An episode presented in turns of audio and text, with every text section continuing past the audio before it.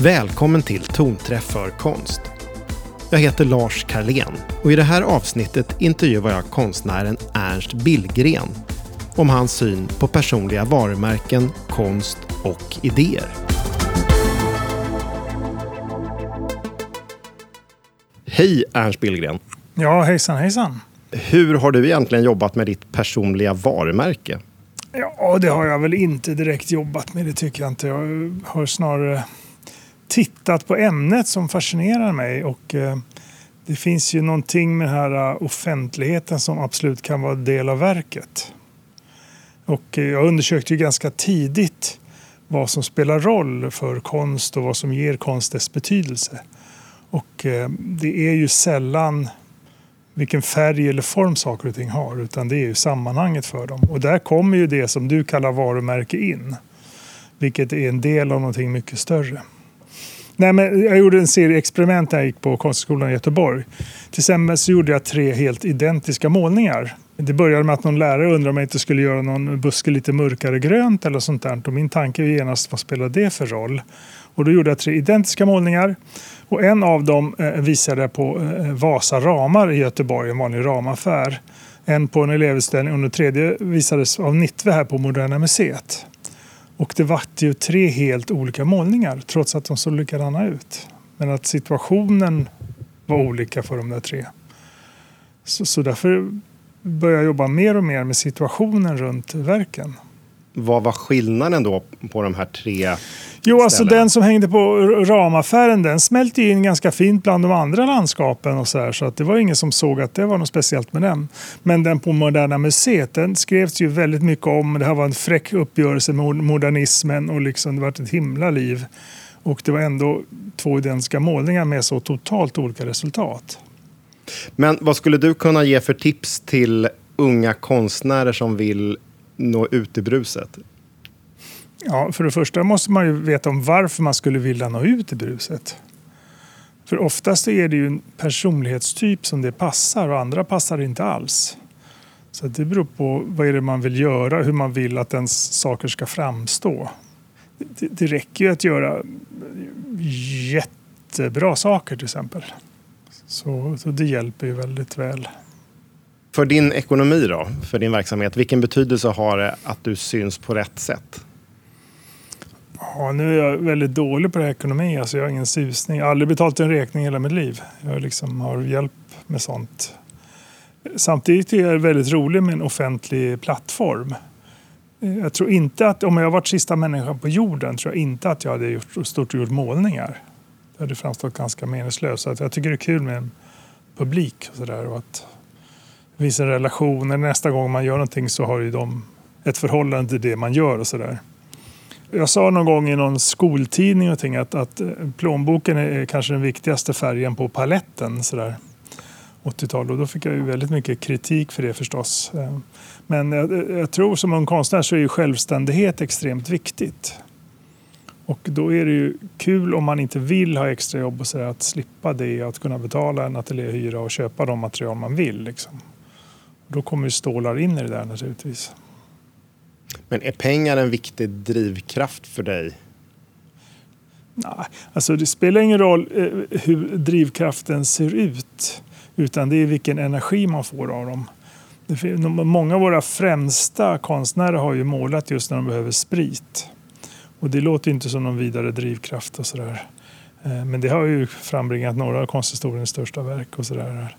Jag tror säkert att det finns konstnärer som haft pengar som drivkraft och sådär ja, men Vermeer och sånt där. De, de, han målade bara när gäldenärerna stod nere i, i hallen liksom, och hans fru skällde på honom. Och så där, så att, det vart ju bra tavlor. Men vad kan ge dig riktig energi? Att bara nu, nu är jag igång, Nej, nu är det men kul, En, en bra jäklar. idé, liksom, en bra situation, någonting som uh, man vill uh, skoj se. Alltså jag är ju scenograf på något sätt. I, i, hållit på mycket med det också, men även vad det gäller måleri, det är en situation som jag försöker bygga upp eller ta reda på. Sådär. En föreställning, den historien om verket som jag är road av. Känner du att det är viktigt att det är en viss typ av personer som du når ut till? Nej, um, nej jag har ofta varit lite så här motvallt. Det är väldigt svårt att löpa med eller mot. Jag hade, hade någon ytterligare lapp på skolan på min dörr där det stod vägra göra revolt. Och, och det betyder för mig att oavsett om man gör mot det som finns eller med det som finns så är man beroende av det som existerar. Och, och, och det tredje alternativet är någon form av självständighet. Och det är en väldigt abstrakt sak liksom, men du kan inte förhålla dig till andra människor, deras smak och vad andra gör och sånt där. För vips är man ju i någon form av karusell där man är beroende av andra människor. Så vill du inte lyssna vad folk vill ha? Eh, nej, om inte det är uppgiften. Och jag gjorde ju en gång, för jag, jag fick ju höra, kanske 90-tal och sådär, om hur mina verk såg ut. Och att många efterlyste sådana verk. Eh, eh när de såg andra målningar så, så ja men du kan väl ha någon av de där. Och, och jag hade nästan inte gjort några sådana verk som folk var säkra på att de såg ut som. Så jag gjorde en utställning där jag målade exakt Ernst Billgren-målningar. Alltså föreställningen om dem. Och det var ju en väldigt poppis utställning. Och vad var mest kännetecknande i den? Ja, men det var en, en, den hette Tjuvar utställningen. Och det var rävar och djur i olika rum och sånt där. Det var väldigt det var den uppfattningen folk hade att man gjorde rävar. Jag kollade upp då när folk började prata om det. Jag tror, tror inte en halv procent av målningar jag gjort innehöll en räv. Liksom. Men det är så arketypiskt på något sätt för folk att man har den bilden. Det kanske för att vi är ett skogsfolk eller någonting. Att man sånt stannar kvar. Hur känns det den exponering du har fått? Är det någonting som du trivs med? Exponering av? Ja, i media. Media? Uh, ja, nej, men det, jag tycker det är roligt att de uh, skriver om, när jag ställer ut så skriver de om det så att säga. Och, um, det är bra. Och öppnar det upp några dörrar för dig? Oh, så öppnar det upp dörrar, då stänger jag dem genast liksom. Jag är inte... Um, om du förstår vad jag menar. Mm, nej, inte riktigt. du får gärna utveckla, för jag, nej, jag förstår inte. Nej, men eh, det handlar ju så mycket om att bygga en egen värld. Därför är det ju svårt med folk som öppnar dörrar liksom. Då, då förväntas man kliva in där. Och det blir någonting förutsägbart i det. Det är ju bättre att snickra ihop en egen dörr. Att inte vara beroende av liksom sammanhanget. Och jag har aldrig bett ett galleri om en utställning liksom, hela mitt liv. Däremot så gick jag omkring som ung student och sa till galleristerna, gud vad bra det går för mig. Och så gick jag ut därifrån. Just för, för att skapa någon föreställning runt verken. Jag tror, jag tror det finns en risk med att kliva in i sammanhang och liksom göra sig beroende. Oavsett om det är gallerister eller andra curators och sånt där. Liksom. Det är bättre att skapa en helt egen värld. För då får man ju kontroll. Man kan vara med och styra om det är din egen värld. Annars får man sitta hemma och vänta på att någon ska göra något. Och gallerister gör ju inte någonting för att vara snälla mot folk. Utan det där gör ju de för att själva kanske få ett bättre, ja, tjäna pengar eller få ett välrenommerat galleri eller någonting. De tänker ju på sin verksamhet.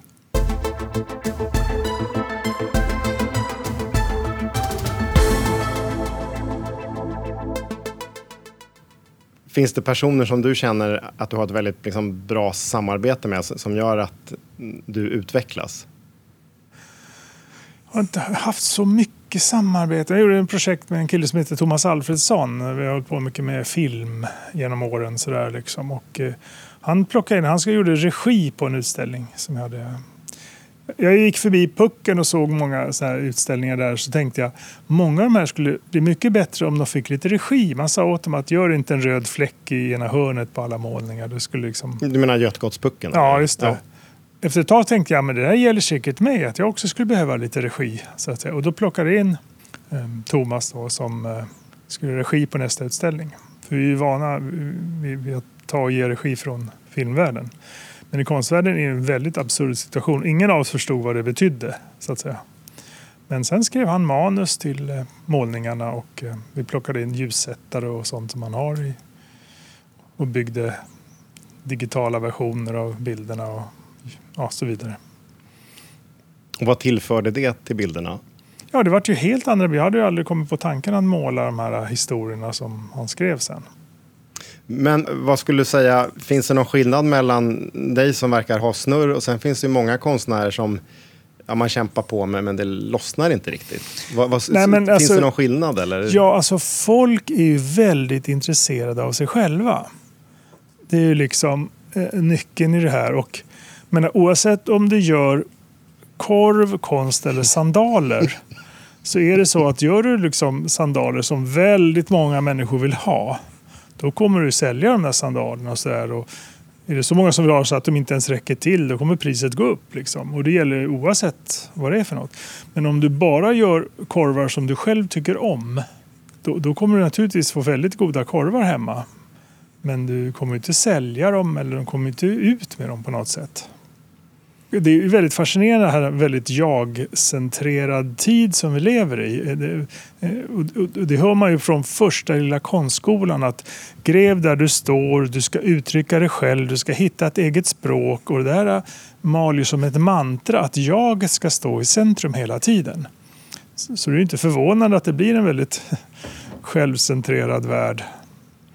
Och jag har aldrig funnit mig själv speciellt intressant utan jag utgår ju mycket hellre från andra människor eller andra idéer eller andra uppslag eller vad som helst. Men kan du skapa konst som du inte själv gillar? Ja, jag har ingen som helst. Jag sa ganska tidigt jag lägger mig inte i nästan i vad jag gör. Utan jag, hittar, jag finner, ger mig själv en uppgift och så utför jag den. Men hur kommer du på uppgifterna? Nej, men, till exempel, gör du någonting som du själv tycker är bra så blir det ju någonting som du redan har insorterat i huvudet. Du bekräftar ju någonting som du redan vet. Vill du göra någonting utanför någonting nyskapande till exempel, då har du ingen användning för det du tycker om. Så jag gjorde så att jag skrev lappar i skolan, ganska abstrakta lappar och la en låda. Och så drog jag en sån så tänkte jag, ska jag göra de här olika verken då? Och på en lapp till exempel så stod det Herregud, har du gjort den själv? Och det har ju inget tydligt utseende för min del. Men då tänkte jag men då måste det vara något väldigt komplicerat. Så, här, så det blev min allra första mosaikskulptur. Så jag gjorde som en stor plint eller triumfbåge i mosaik med massa mönster och figurer och sånt där. Och så ställde jag ut den i ett eh, källargalleri i Göteborg. Och det var inte så många som kom och tittade men det var en, en far och hans son som stod och tittade på den en lång stund. Och så efter en stund sa han Herregud, har du gjort den här själv? det är bra. ja. Du lyckades. ja, ja, men då, då, då träffade jag ju precis det jag siktade på. Jag gjorde en experiment. Jag var på semester i Italien. Så höll jag på en hel vecka och valde helt andra saker än vad jag tyckte. Jag tog andra vykort i vykortsstället så valde jag andra rätter på menyn. Du, du tog sådana som du tyckte är fula? Nej, som, som jag inte hade valt eller som hade valt. Alltså jag la mig inte i mina beslut. Och det blir ungefär samma livskvalitet. Alltså, det är ingen större skillnad. Det är snarare bara, ett sätt att krympa sin verklighet. Jag får ju ett helt annat omfång om jag inte rättar mig efter mig själv på det sättet. Och det vet man vart efter åren går att man blir mer och mer säker på vad man gillar och ogillar och vad man tycker och liksom vad, man, vad som är trevligt. Till slut är det ingen idé att gå upp på morgonen. Det är liksom redan färdigt. Finns det någon konst som du tycker är extra spännande då? Ja, nej men absolut. Jag, jag gillar mycket konst. Men just nu har jag haft en period där jag snöat in mycket på 14-1500-talsmåleri och speciellt nordeuropeiska och så tyska och Kranars och de här. Och vad, vad är det som du gillar med det? Eh, det här envetna eh, eh, hantverket. Jag tror hantverket är någonting som Alltid när någonting blir sällsynt eller blir ont av någonting så blir det attraktivt. Då ett hantverk krävs ju att man stannar kvar på samma ställe väldigt länge. De höll ju på i generationer med samma motiv och samma utseende. Och under modernismen har ju nyskapande varit väldigt viktigt. Och, nyskapande fordrar att man inte stannar kvar på samma ställe. Därför har ju hantverket blivit mm, inte sällsynt men ovanligt på något sätt. Vilken respons har du fått eh, för din konst utomlands? Eh, ja, det är olika men när man ställde ut i Mexiko så tyckte de att det såg ganska mexikanskt ut. Så man ställde ut i Ryssland tyckte de att det såg ganska ryskt ut. Så det finns någonting i den här lite folkliga tonen som har funnits i en del måleriperioder. Att den är gemensam i många kulturer. Men känner du att det finns något speciellt eh, ja, svenskt eller nordiskt i din konst? Eller gör inte det? Nej, men eh, det det finns, eller fanns under många år, i varje fall att, att det var nordiska motiv. så att säga. Det var, fanns ju bara nordiska landskap och nordiska djur och sånt där. Och mm. jag bestämde mig ganska tidigt att, att jag skulle försöka göra så normal konst som möjligt. Eh, så jag kollade igenom vad, vad normal, liksom de vanligaste motiven. Och det var just landskap och djur och sånt där. Och därför målade jag just det i, i många år. Men varför vill du göra normal konst? Ja, för varför krångla till det? Eh, Nej, men många författare som har skrivit eh, fascinerande böcker de har använt väldigt vanliga A, B och C. Men om man ska hitta på ett nytt språk varje gång man ska säga någonting så är det väldigt svårt att bli förstådd. Och har man ingenting att säga är det ännu mer meningslöst att hitta på ett nytt språk. Så jag försökte använda språk som, som redan fanns i publiken. För dig då, om man tittar på drivkrafter, det här med bekräftelsebehov. Mm. Vilken betydelse har det? Ja, jag tror det har en väldigt stor betydelse men det vet ju inte jag riktigt. Det som, för, för om man ska veta om en, en, en, sak är stor eller liten så måste det finnas någonting annat att jämföra med. Och jag har ju liksom sen jag föddes hållit på så här. Om det har varit någon grej som inte riktigt har fått den uppmärksamheten som du trodde, hur mm. har du känt då? Ja, nej, men jag har gjort eh, film som sen inte liksom kom ut och sådär och sånt. Och det är ju det är liksom någon miljon och väldigt många människors arbete och sånt som inte syns. Och det är ju synd. Ofta så tar man ju med sig de erfarenheterna in i nästa projekt så att det är, inte, sällan någonting är Oavsett om det är lyckat eller misslyckat liksom, så är det sällan att det inte får någon betydelse i längden. Men vad har betydelse för dig vilket företag du samarbetar med? När du säger samarbete, jag, jag, skulle, jag gör ju inte reklam till exempel. Ibland hör ju företag av sig att man ska göra reklam för någonting. Liksom. Varför gör du inte det då? Reklam? Nej, för det, det syftar ju inte till något verk. Det är liksom ingen poäng i förlängningen. Liksom. Jag är väldigt endimensionell där. Men om man samarbetar med ett företag som har resurser som kan förverkliga de saker som man vill tillverka. Då är det ju bra. Liksom. Finns det företag som du absolut inte skulle tänka dig att Ja, men alltså det är det som är lite dubbelt med det. Det finns ju företag som absolut inte skulle kunna tänka sig att samarbeta med. Och vilka då? Och just därför skulle jag kunna tänka mig att samarbeta med dem liksom, det är lite här hela tiden, jag söker situation. Det är som att stå på en klippa liksom, med ryggen åt stupet och sen falla sakta baklänges. Det är en viss känsla i det som jag uppskattar. Jag försöker ju liksom, jag sa förr, vad är det sämsta jag kan göra nu? Liksom. Det är en, att, att riva upp det som finns och sånt där för att kunna bygga någonting annat och sådär. Men är det okej okay att misslyckas? Ja, men jag misslyckas ju oavbrutet. Det är ju liksom mitt mål. Det, att, nej men det, jag, jag läste om någon holländsk eh, skridskoåkare som eh, han kom tvåa i OS och trea i VM och sådär. Liksom. Och då kom det fram att han pratade med en idrottspsykolog att han var rädd för att ramla i kurvorna. Och då liksom höll han igen lite naturligtvis. Och sen så ramlade han tre gånger i kurvan i rad och sen vann han OS. Och då berättade han den här historien. Liksom, att det går inte att, att försöka göra rätt den tanken gör ju att man har misslyckats. är det viktigt för dig att vara modig? Ja, alltså det, det ju, man kan ju kalla det vad man vill eller dumdristig eller sådär. Men det är ju någon poäng i det här jobbet att inte lita på det man har. Inte lita på det man vet är rätt. Inte försöka bygga upp någonting vettigt. Inte framstå som en trevlig och rekop-figur. liksom. Så det är tvärt emot liksom det civila livet. Um. Men tror du att företag kan lära sig något av det tänkesättet också?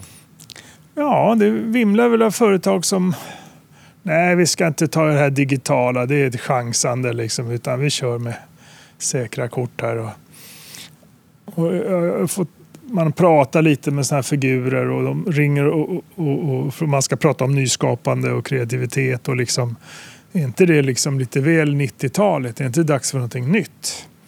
Att man gör direkt om kreativitet och sådana saker till konventioner. Och det är de ju bara bromsklossar. Men vad, tror du att konsten har mycket att tillföra till andra verksamheter i samhället? Vad är konst? Ja, vad är det för något? Vad är ja. konst? Du har, ju, du, har ju, du har ju skrivit en bok om det, men, men ja, finns det någon så kort version? Kan du berätta vad konst är för något? Så jag ja, fattar. det kan jag absolut göra. Men, men, men kan du säga det? Äh, ja, det är ju ett språkligt begrepp. Alltså. Det, och det, det byter ju liksom betydelse med jämna mellanrum. Men, men eh, det finns ett tänkande, om man ser konst som ett tänkande, ett utrymme. Och det tror jag absolut att företag kan ha en enorm nytta av. Speciellt lite för, större företag som, som har en kreativ sida. Man ska hitta på andra, eller man ska hitta nya marknader, eller man ska hitta nya produkter eller vad som helst. Så det är så otroligt lätt att man börjar kopiera sina egna mönster eftersom de funkade senast. Det är väl så människan ihopskruvad. Att gör man någonting som fungerar då, då gör man ju samma sak nästa gång. Men kan du plocka upp in, inspiration du, liksom, genom att resa eller titta på film eller göra sådana grejer? Alltså inspiration, jag, jag kör ju så lite med det. Alltså, jag har aldrig förstått riktigt vad det ordet innebär. Idéskapande då? Ja, idéer ja. Just det. Nej, men de, de dyker upp i de mest eh, märkliga sammanhang och sådär. Och det kan absolut vara en resa men det, det är ganska oförutsägbart. Ehm, för mig är det väl så att då jag inte är upptagen av annat så kommer jag på idéer. Om man, om man har ett fullt program, man ska liksom hämta det och man ska fixa det och sen ska ju bilen det liksom servas och sen då kan ju man bli så pass upptagen. Men om jag tar bort alla sådana andra saker så är det stor chans att det finns utrymme för en idé att landa. Konsten eller användandet eller spridandet eller säljandet av, av konsten, hur har det påverkats av, av det digitala? Bilders betydelse har inte... Jag menar, det är ju en accelererande konsumtion av eh, bilder och sådär. Men det har egentligen ingenting med konst att göra. Konsten finns ju inte riktigt i bilderna. Utan det är ju föreställningen om dem. Om du visar en bild för en hund så är det inte säkert att det fungerar. Liksom. Det krävs ju någonting i den som tittar för att göra det till konst. Så bara för att det strömmar mängder av bilder mot den så, så, så uppstår inte någon konstsituation för det. Det måste ju få en betydelse för den som betraktar det på något sätt. Och om, om medeltidsmänniskan kanske såg 15 bilder under en livstid så hade han säkert samma mängd bildupplevelser som en som ser idag då 10 miljoner bilder på en livstid konstnärsrollen då, håller den på att förändras på något sätt? Ja, den är ju alltid som en tvål i badkaret. Det är liksom svårt att känna igen den här figuren. Den här, konsten uppfanns ju på 1700-talet. Innan dess fanns inte konstbegreppet. Det fanns naturligtvis skulpturer och målningar. Och sen har ju fler och fler saker flyttat in i det här begreppet. Då Så jag tror att konsten tog slut 1960 ungefär. Då hade ju allting... Alla handlingar och föremål kan ju vara konst och ett sådant begrepp har man ingen större nytta av. Så jag, jag använder mig inte av begreppet konst, det är bara förvirrande. Mm, vad är ett bättre begrepp då? Ja, menar du en målning så säger du måleri, menar du en performance säger du performance. Då vet ju alla precis vad du menar. Konst är ingen susning om man menar och säger. Det, det, det är en språklig, jag menar, språket förändras ju hela tiden ganska dramatiskt och ord får en väldig betydelse för att sen klinga av och inte betyda någonting och sådär och då försvinner de efter ett tag. Så jag tror nog att konst kommer försvinna som ord. Det är bättre man säger saker som man förstår vad man menar. Ha, om vi tar slutligt då. Eh, om man nu skulle gå på en eh, konstskola idag. Mm. Eh, har du några bra tankar inför framtiden för, för de som går och pluggar? Ja, nej, men det är ju ganska eh, lätt, jag på att säga. Eh, eh, Det gäller ju all idrott. Alltså att, att det är ofta den som tränar mest som når de längsta höjderna. Så att man måste vara väldigt intresserad av det man håller på med. Det är ingenting man kan göra med vänster hand sådär utan Är det just att man lägger ner mycket tid på det? ja, ja. tid och intresse, energi. Att man, jag tror man frågar en ung Carolina Klüft som la hon ner jättemycket tid på. Ja, svårt att se. Vad, vad, att jag tror inte på så här talang eller vad skulle det annars varit för någonting. Jag, jag är ganska talanglös liksom. Det gick ju bra ändå. Så, eh, så har, har talang betydelse? Nej, det är jag, jag, jag är ju levande exempel på det tror jag. Okej. Så det är bara att kämpa på alltså? Ja, jag Ja. var lite mer intresserad än de andra. Mm. Mm. Bör man planera hur man eh, på något sätt, eh, jag vet inte om man får säga ordet marknadsför sig, men liksom når ut Jo, men alltså, om man är intresserad av det och tycker att det ingår i ens konstnärskap så finns det ju massor av olika saker man kan göra då just för att bli väldigt tydlig. Eh, Till exempel deras första vernissage, då kan de gå och råna en bank samma dag med en affisch på ryggen där det står var utställningen är och sånt där. Liksom. Det kommer ju garanterat i tidningen och väldigt mycket folk dyker upp och du är intervjuad och så vidare. Det är, jag tror det är mycket bättre att vara på nyhetsplats än på reklamplats till exempel. Bra. Är det någonting annat om det här med personligt varumärke som kan vara intressant? Eller har vi... Nej, men det, det, är, väl, det är väl att om, om man är minsta intresserad av ämnet kombinationen konst och varumärken så är det ju väldigt mycket större och mer komplext ämne än det först kan se ut. Liksom. Det handlar inte om att man gör festliga grejer och så gör man reklam för dem Mm. och sen säljer dem. Och den, den kedjan kan ju finnas men det är också en rolig och spännande värld där de där är sammanflätade och att, att föreställningen om verket. För egentligen är det ju bara en, en platt eh, fyrkant med färg på. Och att förvandla det till någonting magiskt och eh, sanslöst så krävs ju en historia runt det. Men till exempel om man idag eller imorgon man ska åka till Mars där och man hittar en liten målning under en sten föreställande två blå fyrkanter så skulle det bli en oerhört uppmärksammad målning. Det skulle ju finnas på varenda tidning i hela världen. Men sen om det var röda fyrkanter eller blå trianglar på den, det spelar liksom ingen större roll. Utan det är ju sammanhanget och det är ju, och det är ju förbundet med varumärket eller föreställningen om en sak. Finns det några varumärken du tycker extra mycket om? Alltså den som är absolut oslagbar eller varumärken, det är den här van Gogh till exempel. Han, han kunde ju inte måla för två öre liksom. Kom aldrig in på en konstskola, fick inte till en proportion hela livet liksom.